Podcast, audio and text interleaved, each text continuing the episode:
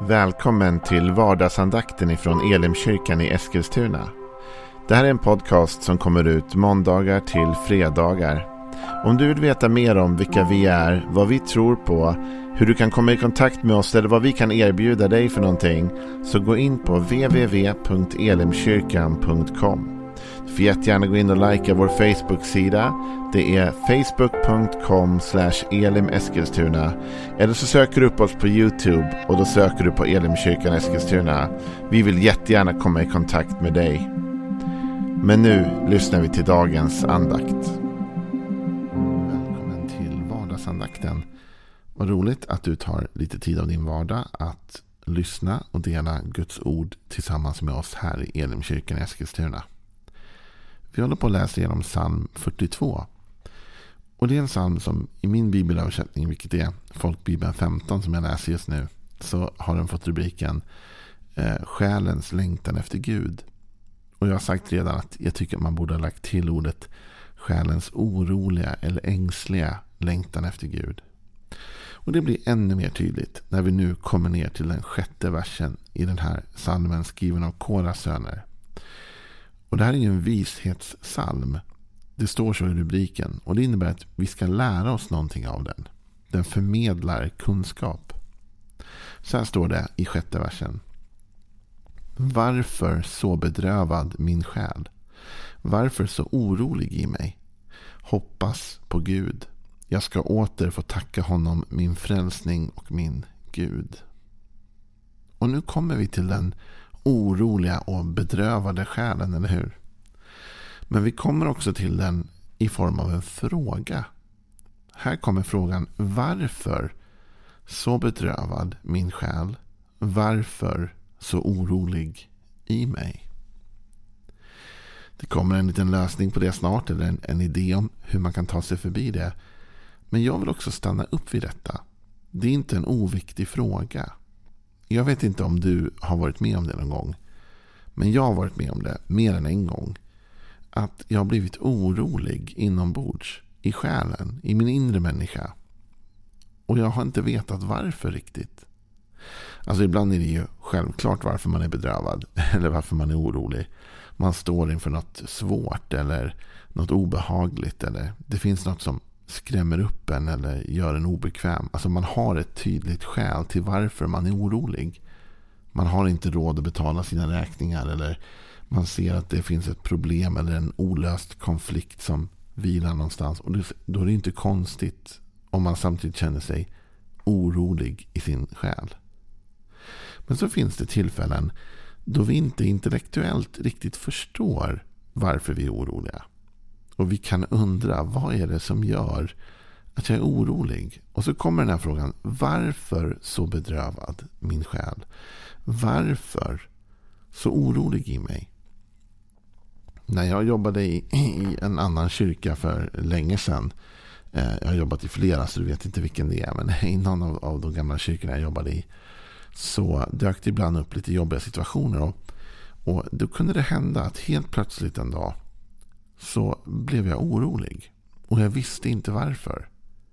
Och jag kunde gå och liksom fundera länge den dagen. Vad är det som gör att jag är orolig? Och så gick man liksom igenom sin checklista av, av skäl till varför man kanske potentiellt skulle ha varit orolig. Och så, nej men det är inget av det. Och sen så började jag be. Och så bad jag mycket. Och det kunde gå att jag bad hela kvällen på något sätt. Inte nonstop liksom. Men, men inombords ändå. Bar med mig en bön hela tiden. Gud, vad är det som är fel? Vad är det som är konstigt? Vad är det som är märkligt? Och som ett brev på posten då, dagen efter, nästan jämt, så var det att på morgonen direkt efter så hände det någonting besvärligt eller svårt. Eller det blev ett jobbigt samtal eller någonting dök upp.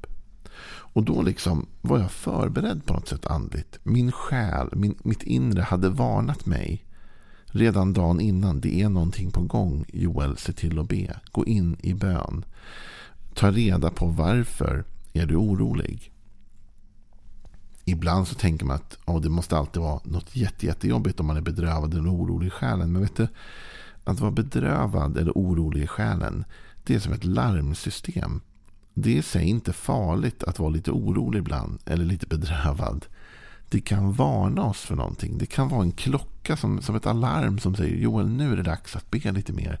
Nu är det dags att vara lite uppmärksam. Nu är det dags att ta reda på varför är du orolig i själen?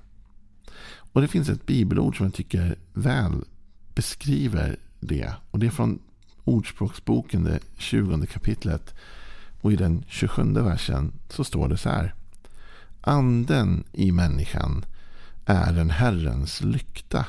Den utforskar varje rum i hennes inre. Lyssna, det står inte här att det är Herrens ande i människan. Utan det står anden i människan är en Herrens lykta. Den utforskar varje rum i hennes inre. Här talas det om att själen, din och min inre människa, det inre liv vi har. Det är en Herrens lampa som lyser upp rummen i vårt inre. Och Den här lampan den kommer dels ta reda på när det finns någonting i dig och mig som behöver belysas. Om det finns något i oss som vi behöver ta tag i. Så kommer anden att göra oss uppmärksam på det. Ibland så bär du och jag på oro och bedrövelse i vår själ. Därför att det finns saker som du och jag har missat att göra som vi borde ha gjort. Det finns ansvar vi har försummat eller försakat. Eller vi har sårat någon. Eller vi har gjort något riktigt dumt.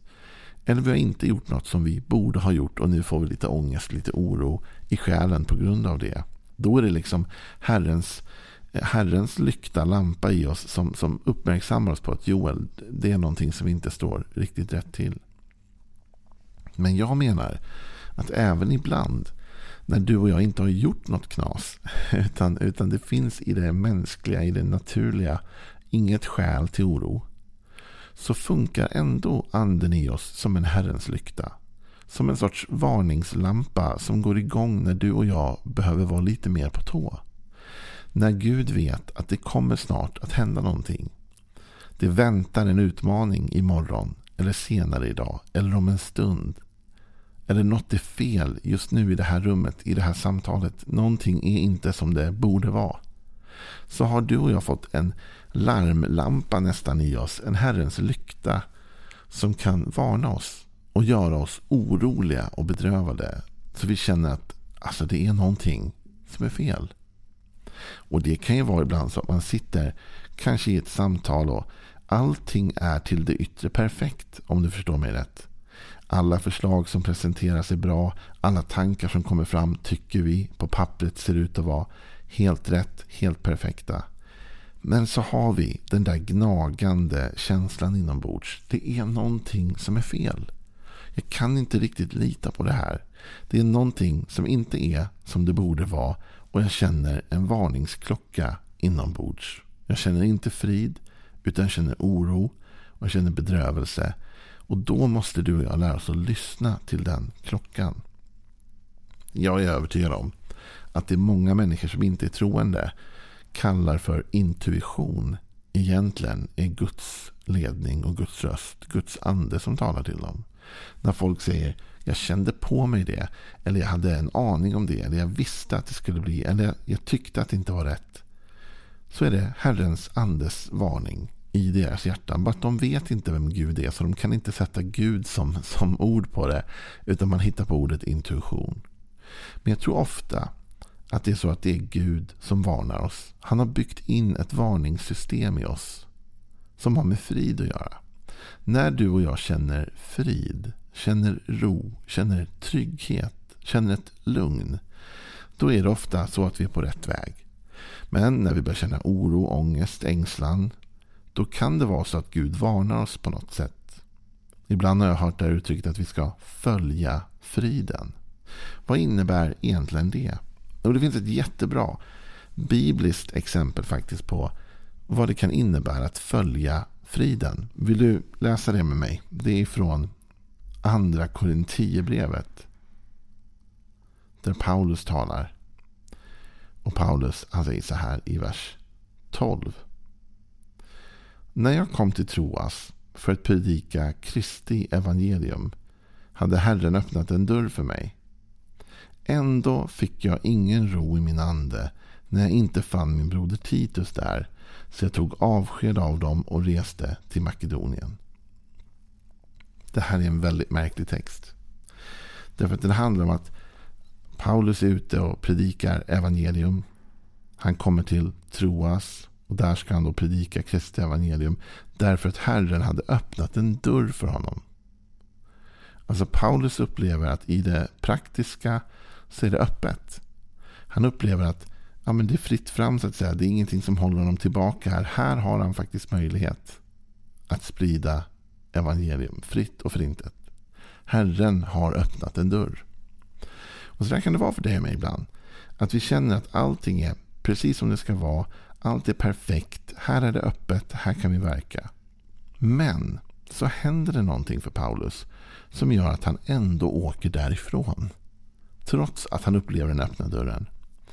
Vad är det då? Jo, han säger ändå fick jag ingen ro i min ande när jag inte fann min broder Titus där. Så jag tog avsked av dem och reste till Makedonien. Av någon anledning så hade Paulus förväntat sig att Titus skulle vara där i Troas. Och han är inte där när Paulus kommer dit. Och Paulus blir orolig i sin ande, i sitt inre. Precis som kanske vi läste i Saltaren 42. Att den här frågan kom. Varför så bedrövad min själ? Varför så orolig i mig? På det sättet känner herr Paulus att han blev orolig av att Titus inte var där.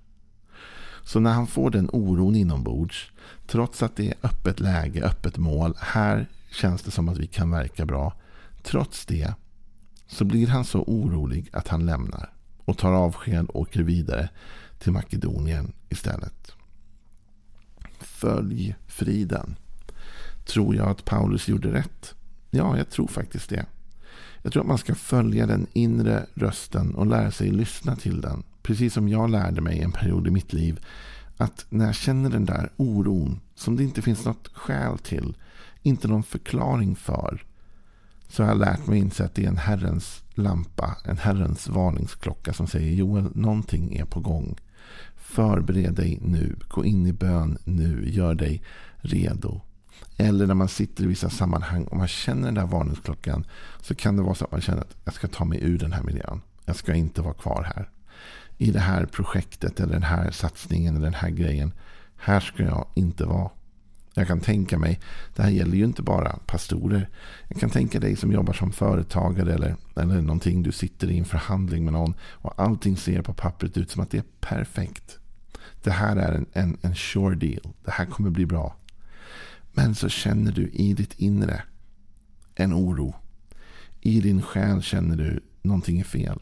Och en del som som sagt inte tror på Gud. De kanske skulle säga att de får en gut feeling. Eller de känner något i sin intuition. Då. Men vi skulle säga nej, det är djupare än så. Det är mer än en magkänsla eller en intuition. Det är en Herrens lampa som säger, hörru, hörru, ta det lite lugnt här. Det finns nog saker bakom kulisserna du inte känner till. Det finns nog någonting här som du ska vara försiktig med. Trots att det ser ut som en öppen dörr. Trots att det ser ut som att Herren själv har öppnat dörren. Så valde Paulus att åka därifrån. Han fick ingen frid i sitt inre. Du och jag, vi måste följa friden. Lita på att Gud leder oss i vårt inre. Och att i vårt inre har Gud satt anden som en sorts kompass för oss som leder oss dit han vill att vi ska gå. Och ibland, kära vänner, så är det också så att den här anden lyser upp saker i vårt liv som vi borde vara oroliga för därför att vi har missat någonting. Därför att vi har brustit på något sätt. Men då, då visar Herrens lampa oss även det. Så att vi kan korrigera det. Och det här är det bästa med Guds varningssystem. Det kommer liksom inte precis när du kraschar med berget. va? Utan Guds varningssystem går igång så att du hinner korrigera. Det går igång och visar Joel, det här, kom igen nu, det här, ta tag i det idag så blir det inte ett problem. Ta tag i det nu så blir det ingenting. Men Herrens ande lyser upp vårt inre. Men vi måste lära oss att inte ignorera den känslan. Och därför är den här bönen så oerhört bra från psalm 42. Varför så bedrövad min själ och varför så orolig i mig? Det är frågor vi behöver ställa oss själva så att vi lyssnar till den inre rösten och den inre kompassen. Ha en välsignad dag. Imorgon fortsätter vi med mer av psalm 42. Hej då.